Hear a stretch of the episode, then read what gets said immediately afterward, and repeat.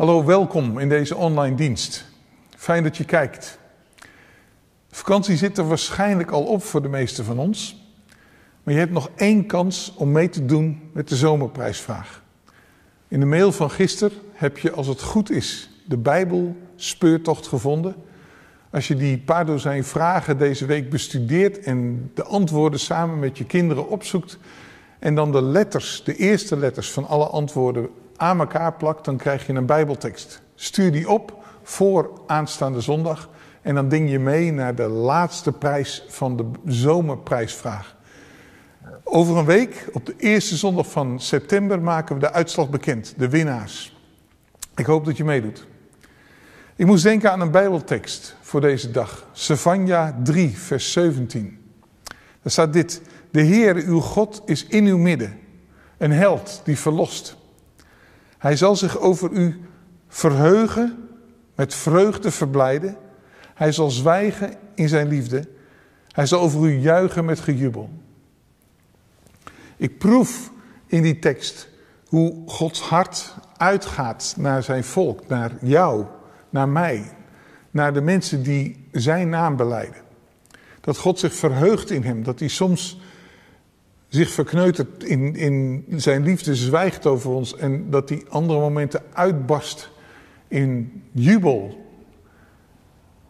Ik denk dat we niet anders kunnen dan op zo'n zondag als deze, als we samen zijn, om zijn liefde voor ons te beantwoorden.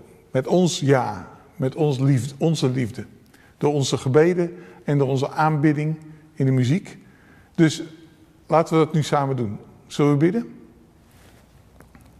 Dank u wel, Vader God, dat uw hart zo over ons klopt. Dat u, uw liefde zo naar ons uitgaat. Dat u juicht en jubelt over ons. Dat u met vreugde vervuld bent over de kinderen die door het bloed van uw zoon met u verzoend zijn. En Heer, we beleiden en we geloven dat Jezus de Heer is. Dat Jezus de verzoening tot stand gebracht heeft tussen u en ons. En we zijn u daar intens en eeuwig dankbaar voor, Heer Jezus. Aanvaard onze liederen alstublieft en ons hart en de dankbaarheid die we daarmee uit willen drukken. Heilige Geest, help ons om te zingen en te aanbidden met heel ons hart. En spreek tot ons door het woord, Heer. In Jezus' naam. Amen. We zitten inmiddels al aan het eind van de zomer en die corona-epidemie en alle gevolgen daarvan lijken nog steeds niet verdwenen. En daardoor leven we nog steeds in een rare tijd. Niet meer dan zes mensen tegelijk in je huis uitnodigen naast je gezin en kinderen. Ehm, nog steeds zoveel mogelijk van huis uit werken. Ik weet niet hoe het jou vergaat, maar die isolatie, dat niet normaal, zoals je gewend was, vrij te kunnen leven, dat doet wat met je. Met de meeste van ons in ieder geval wel, denk ik. Misschien heb jij er zo onder de oppervlakte ook last van.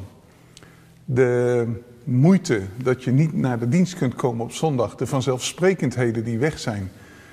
En misschien ook wel die, ja, die vraag die onder de oppervlakte een beetje sluimert. Wat betekent het eigenlijk allemaal? Dat samen zijn, dat geloof, dat met God wandelen. Wat had ik er eigenlijk aan? Ehm, ik wil vandaag met je kijken naar een moment in het leven van Jezus. Waarin je zou kunnen zeggen dat de moeite van zo'n tijd, van test, van uh, beperking, ook heel erg op hem afkwam. Hij komt daardoor, vind ik, in wie hij is, heel dichtbij jou en mij. Tegelijkertijd in dat verhaal, wat verteld wordt door Matthäus en door Lucas, uh, zit denk ik ook een hele grote handreiking, een hulp voor jou en mij in tijden als deze. Het verhaal wordt beschreven in Lucas 4, vers 1 tot 13 en in Matthäus 4, vers 1 tot 11. En ik lees je de versie uit Matthäus eerst voor. Toen, Jezus door, sorry, toen werd Jezus door de geest weggeleid naar de woestijn om verzocht te worden door de duivel. En nadat hij veertig dagen en veertig nachten gevast had, kreeg hij tenslotte honger. En de verzoeker kwam. En hij zei, als u Gods zoon bent, zeg dan dat deze stenen broden worden. Maar Jezus antwoordde en zei, er staat geschreven, de mens zal niet van brood alleen leven, maar van elk woord dat uit de mond van God komt. Toen nam de duivel hem mee naar de heilige stad. En hij zette hem op het hoogste gedeelte van de tempel. En hij zei tegen hem, als u de zoon van God bent, werp u zelf dan naar beneden. Want er staat geschreven dat hij zijn engelen over u bevelen zal. Dat zij u op handen zullen dragen en dat uw voeten, zodat uw voet zich niet misschien aan een steen stoot. Jezus zei tegen hem, er staat eveneens geschreven, u zult de Heer uw God niet verzoeken. En opnieuw nam de duivel hem mee, nu naar een hele hoge berg. En liet hem al de koninkrijken van de wereld zien, met hun heerlijkheid. En hij zei tegen hem, dit alles zal ik u geven als u knielt en mij aanbidt. Toen zei Jezus tegen hem, ga weg, Satan. Er staat geschreven, de Heer uw God zult u aanbidden en hem alleen dienen. En toen liet de duivel hem gaan. En zie, engelen kwamen en dienden hem. Ik vind het opvallende en ook een beetje een verwarrende tekst. Dat er bijvoorbeeld aan het begin staat, toen werd de Heer Jezus door de Heilige Geest weggeleid naar de woestijn om verzocht te worden door de duivel. Dus er staat hier werkelijk dat de Heilige Geest er een hand in had, erbij betrokken was dat Jezus in zo'n situatie terechtkwam, waar hij verzocht werd. Je zou dus bijna kunnen zeggen, dit moest gebeuren van Gods wegen. Tegelijkertijd staat er in dit, deze versie van het relaas over deze gebeurtenis van Matthäus, nadat Jezus 40 dagen en 40 nachten gevast had, kwam de verleider. In het evangelie van Lucas staat dat hij 40 dagen en 40 nachten verleid werd, verzocht werd. Kortom, het is een verschrikkelijk moeilijke periode geweest voor de Heer Jezus. Om iets beter te begrijpen wat er nou gebeurde, wil ik met je kijken naar twee teksten in Petrus en in Jacobus. In Petrus wordt gesproken over beproevingen. En in Jacobus wordt gesproken over verzoekingen. En die twee teksten die leggen een beetje het verschil uit. Met beide dingen hebben we allemaal in het leven te maken. Maar er is een verschil tussen het een en het ander. Hier in het Evangelie Matthäus wordt heel duidelijk uitgelegd dat de Heer Jezus verzocht werd door de boze in de woestijn. Jacobus zegt daar iets over. Hij legt uit wat dat is en waar dat vandaan komt. Petrus legt uit over beproevingen. Hij zegt, geliefden, in 1 Petrus 2, vers 12 tot 14. Geliefden, laat de hitte van de verdrukking onder u, die tot uw beproeving dient, u niet bevreemden, alsof u iets vreemds overkwam. Maar verblijd u naar de mate waarin u gemeenschap hebt aan het lijden van, van Christus. Opdat u ook in de openbaring van zijn heerlijkheid u mag verblijden en verheugen. Als u smaad wordt aangedaan om de naam van Christus, dan bent u zalig. Want de geest van de heerlijkheid van God rust op u. Wat hen betreft wordt hij gelasterd, maar wat u betreft wordt hij verheerlijkt. Met andere woorden, Petrus die legt uit die beproeving, in dit geval, dat zij vervolgd worden om de naam van Jezus, dat zij uh, uh, gelasterd worden, um, achterna gezeten worden, in de gevangenis gegooid worden, omdat zij de Heer Jezus volgen en trouw blijven. Hij zegt, um, die beproeving, die moet je niet bevreemden, maar realiseer je dat die, uh, en het woord wat hier gebruikt wordt in het Grieks is het, is het woord loutere, dat die een, een doel heeft, namelijk de heerlijkheid van Christus openbaar maken. Doordat jij dwars door die beproeving heen volhoudt en hem verheerlijkt. Een voorbeeld daarvan, Petrus en, uh, of sorry, uh, Paulus en Silas, die in de gevangenis zitten, vervolgd om hun geloof, en die midden in die verdrukking de Heer lof zingen. En vervolgens wordt de heerlijkheid van God openbaar. Er komt een, een natuurfenomeen door God uh, geleid, uh, gepland blijkbaar. En alles valt van hen af. Zelfs de boeien waardoor ze gevangen gehouden worden. Terwijl zij Christus verheerlijken, hem aanbidden. Het woord loutering, wat hier gebruikt wordt bij beproeving, dat um, is hetzelfde woord als wat gebruikt wordt bij het louteren van edelmetaal, goud bijvoorbeeld. Goud, als dat gepurificeerd wordt, gelouterd wordt, dan is de bedoeling dat alle elementen die in het gouderts zitten, die niet goud zijn, dat die eruit gefilterd worden. En goudsmeden doen dat door het goud in een, uh, een pot die van steen zo heet op te stoken dat uh, alle andere delen die geen goud zijn naar boven komen drijven. En dan schept men dat, uh, dat onedele deel eraf. En uiteindelijk is de test van de puurheid dat men kijkt in de spiegel van de vloeistof, de oppervlakte van de vloeistof. En als die spiegel volkomen glad is, dat de goudsmid zijn beeltenis zichzelf helemaal onvervormd daarin herkent, dan is het goud gelouterd, puur geworden. En je zou kunnen zeggen dat is wat er gebeurt met beproeving. Dat um, wat beproeving met mij doet als het moeilijke tijden zijn, er is tekort, er is honger, um, er is, nou ja, zoals nu, er is verlangen naar dat het weer normaal is, verlangen naar normaal met de ander samen kunnen zijn, normaal kunnen zingen in de kerk, um, allemaal van dat soort dingen. Um, naarmate dat voortduurt, naarmate dat langer duurt, dan, dan komen er soms dingen in mij naar boven die, je zou kunnen zeggen, die wil God eruit halen, die wil hij weg hebben. Totdat er, wat de omstandigheden ook zijn, rust en vrede is met Hem, tussen Hem en mij. Dat er lofzang is, dat er uh, verbintenis is met mijn Hemelse Vader, om Jezus wil. Kortom, beproeving brengt soms dingen boven. Maar wat is dan het verschil met verzoeking?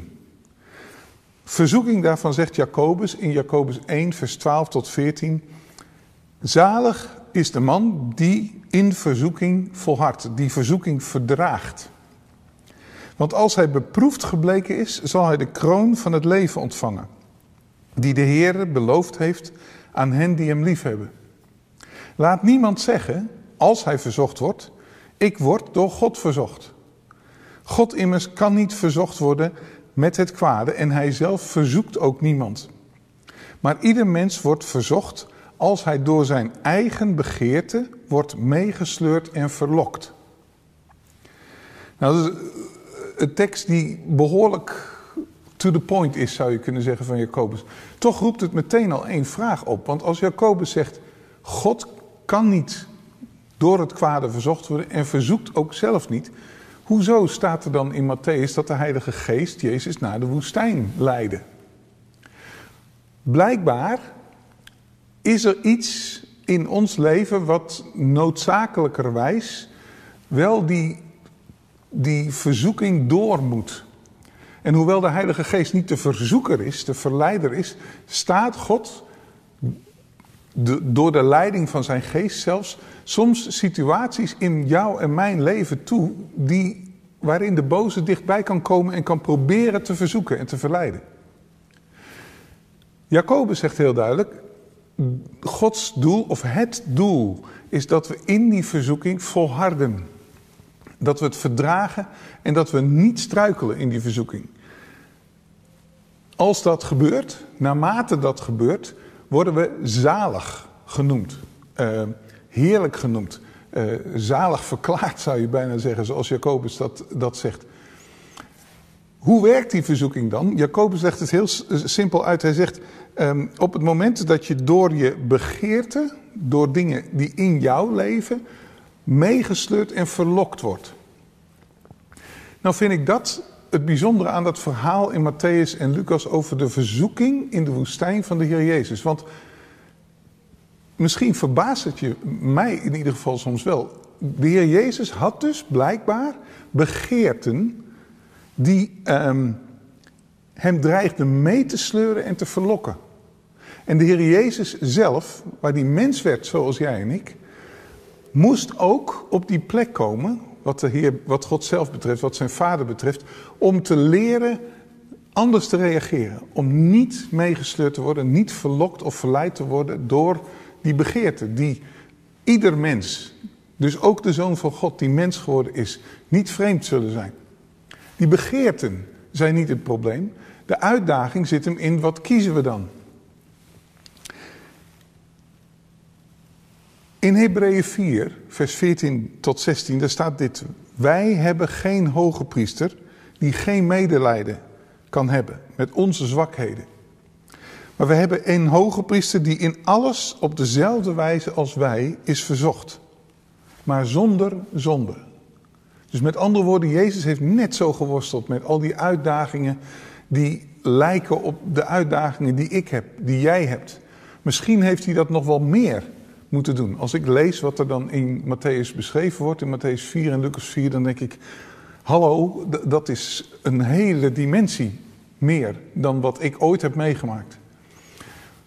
Maar de uitdaging zat er niet in dat hij verzocht wordt, maar de uitdaging zat er in wat kiest hij?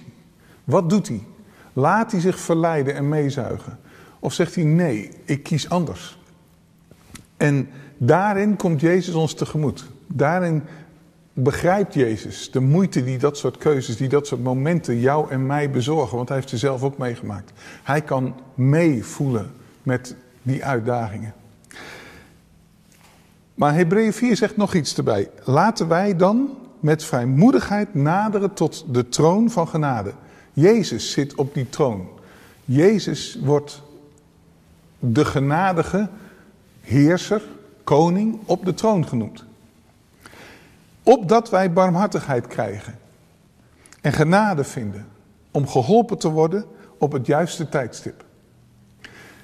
Hebreeën zegt dus niet alleen hij weet waar het over gaat, maar Hebreeën zegt ook hij kan je helpen op het moment dat je in zulke soort struggles, worstelingen, verzoekingen terechtkomt. Oké, laten we nu eerst een moment nemen om even samen na te denken over wat we gehoord hebben. Jezus die verleid wordt, verzocht wordt in de woestijn. Petrus die uitlegt wat beproeving is en hoe beproeving uh, uh, volharding uitwerkt. En Jacobus die het heeft over verzoeking en waar verzoeking vandaan komt. En dat verzoeking jou en mij tot zaligheid mag brengen. Mag ik je drie vragen voorleggen? Dat Jezus ook verzoeking kende, net als wij. Wat doet dat met jou? Wat doet dat met je beeld van Hem?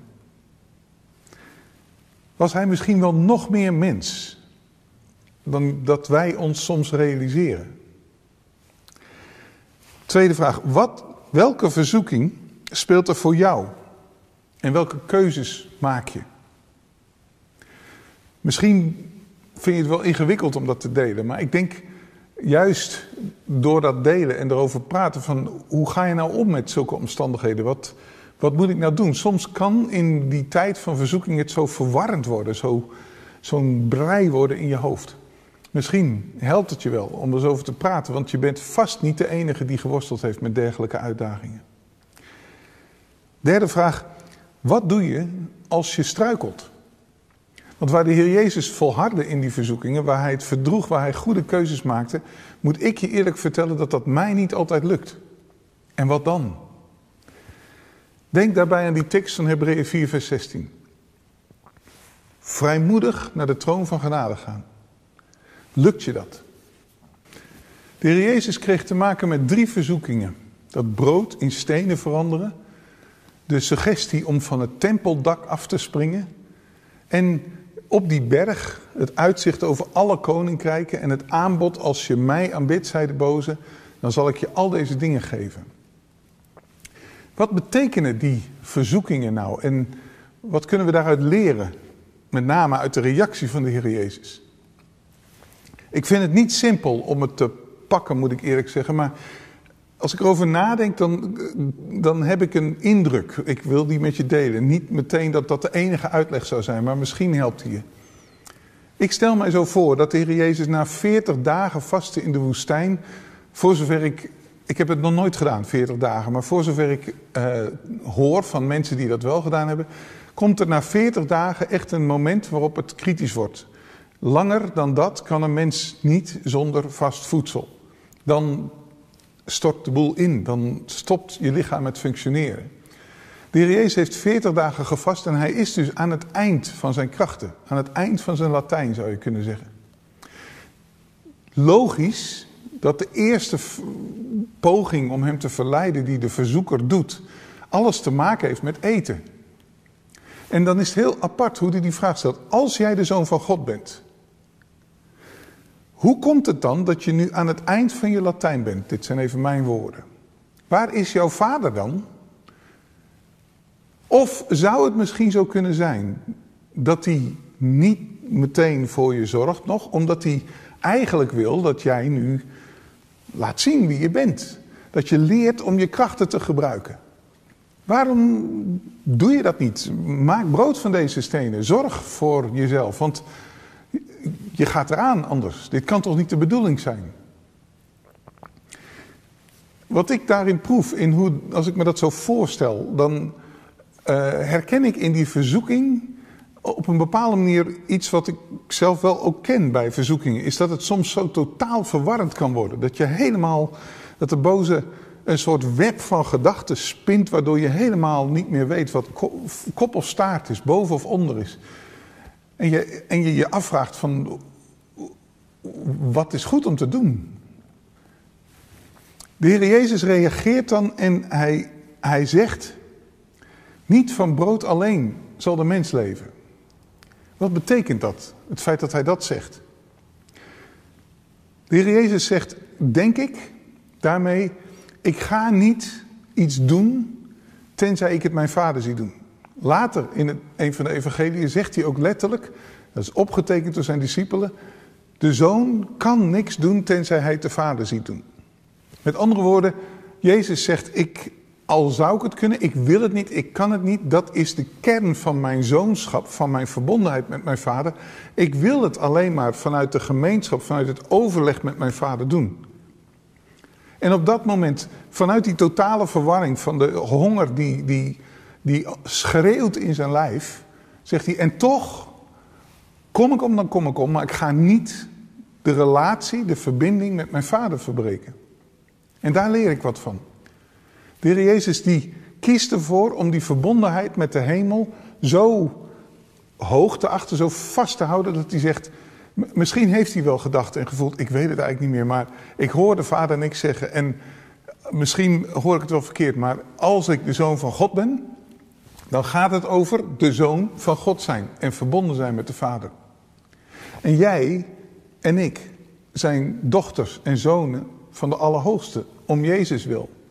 Met andere woorden, hier zit ook de uitdaging in om in al die verwarring van die verzoeking die er soms op je afkomt, om te zeggen, en toch ga ik niet autonoom zelf proberen mijn zaakjes te regelen. Ik wil toch in verbinding blijven met God. Zelfs al voel ik diep van binnen de, een knagende verleiding tot verwijt. Waarom duurt het zo lang? Waarom grijpt u nou niet in? Waarom zegt u niks? Waarom is het stil? En dan komt de boze met een tweede verleiding. Ik stel me voor dat er, dat er wat tijd tussen heeft gezeten. Een paar uur misschien, we weten het niet. Maar de verleiding, als je het zo leest, klinkt bijna alsof er een delirium, een, een, alsof Jezus helemaal aan het hallucineren is. Hij wordt meegenomen, staat er door de boze, naar het dak van de tempel. En de boze suggereert, spring eraf. Waarom, waarom die rare suggestie? Hij suggereert, pleeg zelfmoord? Nee, hij grijpt terug op wat Jezus net deed. Jezus had gezegd, er staat geschreven. En de boze die gebruikt precies dat om hem het moeilijk te maken. Hij zegt, er staat toch ook geschreven dat hij aangaande zijn zoon, aangaande jou, zijn engelen zal gebieden, zodat je voeten zichzelf niet aan een steen zullen kunnen stoten. Als jij springt, dan moet hij dus zijn engelen sturen. En dan moet hij zich over jou ontfermen. Tot nu toe heeft hij niks gedaan. En je komt bijna om van de hongerman. Doe iets, spring. Vang God op zijn woord. De Heer Jezus antwoordt, gij zult de Heer uw God niet verzoeken. Wat leer je daaruit? Wat, wat moet je daaruit? Eén ding begrijp ik eruit, dat Jezus zegt, ik ga niet kiezen voor manipulatie. Ik vind het bijna bovennatuurlijk dat hij op dat moment in zo'n toestand, waarin hij waarschijnlijk verkeerd heeft, de genade, de kracht, de, de volharding, de, de, de puurheid had om te zeggen, en toch, nee, dit klopt niet. Ik ga niet op zo'n manier de situatie naar mijn hand zetten. Ik ga de Vader niet verzoeken. En dan zien we de volgende verleiding. Dan zien we de boze komen en hem meenemen naar een hoge berg en hem alle koninkrijken van de aarde laten tonen. En dan zegt hij, dit alles zal ik je geven, als je jezelf aan mij toevertrouwt. Met andere woorden, hij zegt, nou, eh, hoe het ook zij, je vader heeft nog steeds niet, niets gedaan. En het loopt nu echt op het eind. Je lichaam geeft het zometeen op en dan ben je er niet meer. Laat mij voor je zorgen. Ik geef je alles wat je nodig hebt. Kijk, dit is allemaal van mij. En het klopt. De boze heeft al die dingen in handen gekregen toen wij mensen ervoor kozen om onszelf los te maken van de Hemelse Vader, die ons had toevertrouwd. En dan zegt Jezus: ga weg. Er staat geschreven: Gij zult de Heer uw God en Hem alleen dienen en aanbidden. Wat een verhaal. Wat een ongelofelijke worsteling moet dat zijn geweest. Dat de Heer Jezus zo op zijn tandvlees aan het einde van zijn menselijke krachten moet zijn geweest en zo door de boze wordt aangepakt. En dan komen Gods engelen en dienen hem. Precies zoals er in de, in, zijn, in de schrift stond. Precies zoals de Heer Jezus uh, wist dat er stond. Maar geen moment vroeger dan dat wordt Jezus verlost uit die verzoeking. Als ik dat lees, dan denk ik, dan krijg ik een beetje, laat ik voorzichtig zeggen, de angst slaat me wel op het hart. Dat het zo ver kan gaan, die verzoeking. En daar zit tegelijkertijd ook een beetje troost. 1 Korinthe 10, vers 13. Gij hebt geen bovenmenselijke verzoekingen te doorstaan. En God is trouw.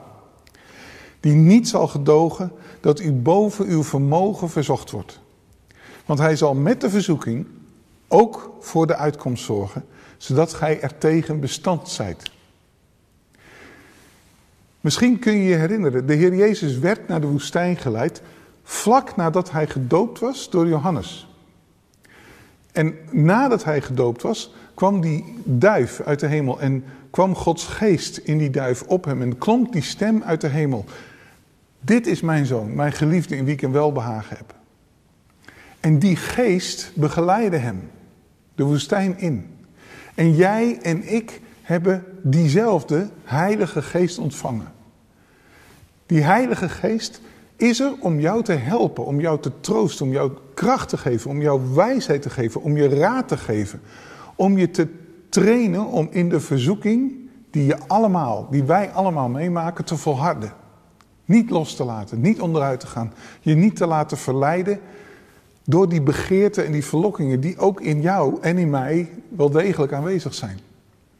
Zijn die begeerten fout? Nee. Dat Jezus honger kreeg na 40 dagen, hallo, dat hoort erbij. Dat is normaal voor een mens. Dat jij en ik verlangen naar menselijk contact, naar een rustig leven, wat een beetje voorspelbaar is, wat, wat we snappen. Dat is normaal.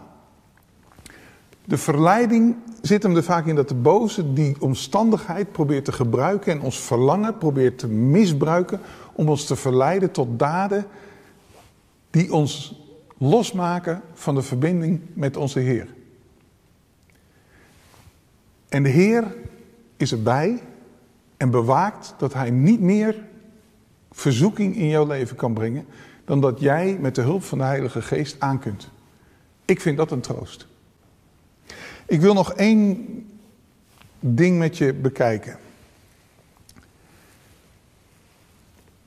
In de woestijn, als het volk Israël onderweg is van Egypte naar het beloofde land, zijn er een hoop situaties waarin het moeilijk is. Een van die momenten dat het zo moeilijk is, is als Mozes de berg op is gegaan om van God te horen en uiteindelijk uh, Gods woorden te ontvangen. De, de tien stenen, de, de, de tien regels die God op stenen tafelen zet. Dan blijft hij lang weg. Je zou kunnen zeggen, dan is er voor het volk de beproeving van de stilte. Het blijft stil. Er klinken geen woorden. Mozes is weg. Wat nu? Het duurt maar en het duurt maar, dag na dag na dag. Er staat dat hij bijna 40 dagen wegbleef. En je ziet dan dat er een crisis ontstaat in het volk. En die crisis die is precies de crisis waar de Heer Jezus ook mee te worstelen heeft in, in die verleiding in de woestijn. De crisis van aanbidding. Aan het eind van die 40 dagen dan komen de, de Israëlieten bij Aaron en die roepen eigenlijk om een God. Die roepen wie zal ons nu verzorgen? Wie zal ons leiden? En Aaron ziet wat de druk is en hij zegt, nou ja, geef me jullie goud, dan maak ik een God voor je. En dan wordt er een gouden kalf gemaakt. En dat gouden kalf wordt in het midden van de regenplaats gezet en dat wordt aanbeden. En ik denk dat dat een, van, dat dat een beetje de kern raakt van hoe verzoeking vaak werkt. Hoe, hoe die moeite. Jezus werd daarop, denk ik, aangevallen door de boze. Waar is nou je hemelse vader? Hoe zorgt hij dan voor je? Wat betekent het nou eigenlijk allemaal? Weet je wel zeker dat het echt was? Moet je niet zelf voor de dingen zorgen? Of laat mij anders voor je zorgen? Mozes heeft op een gegeven moment, nadat hij al die dingen heeft gezien en heeft meegemaakt, dat gouden kalf en de afval van het volk, heeft hij een moment waarop hij in Exodus 33, vers 18 tot 23 bij God is. En dan zegt God, zegt hij, eh, doe mij toch uw heerlijkheid zien. God zei dan, ik zal in mijn luister aan u voorbij gaan en de naam van de Heer voor u uitroepen. Ik zal genadig zijn wie ik genadig ben en mij ontfermen over wie ik mij ontferm. En hij zei, maar u zult mijn aangezicht niet kunnen zien, want geen mens kan mij zien en leven. En de Heer zei daarom, kijk, bij mij is een plaats waar u op de rots kunt staan. Wanneer mijn heerlijkheid voorbij gaat, zal ik u in de rotsholte zetten en u met mijn hand bedekken, totdat ik ben voorbij gegaan. En dan zal ik mijn hand wegnemen en zult u mij van achteren zien. Maar van aangezicht tot aangezicht zult u mij niet zien. Ik denk dat uiteindelijk dit is waar God jou en mij naartoe wil brengen. Naar die intieme ontmoeting met Hem. Bijna van aangezicht tot aangezicht. In de Heer Jezus is Gods aangezicht, zou je kunnen zeggen, zichtbaar geworden. Gods uitnodiging is dat jij komt naar die troon van genade om barmhartigheid en hulp te krijgen op het juiste moment.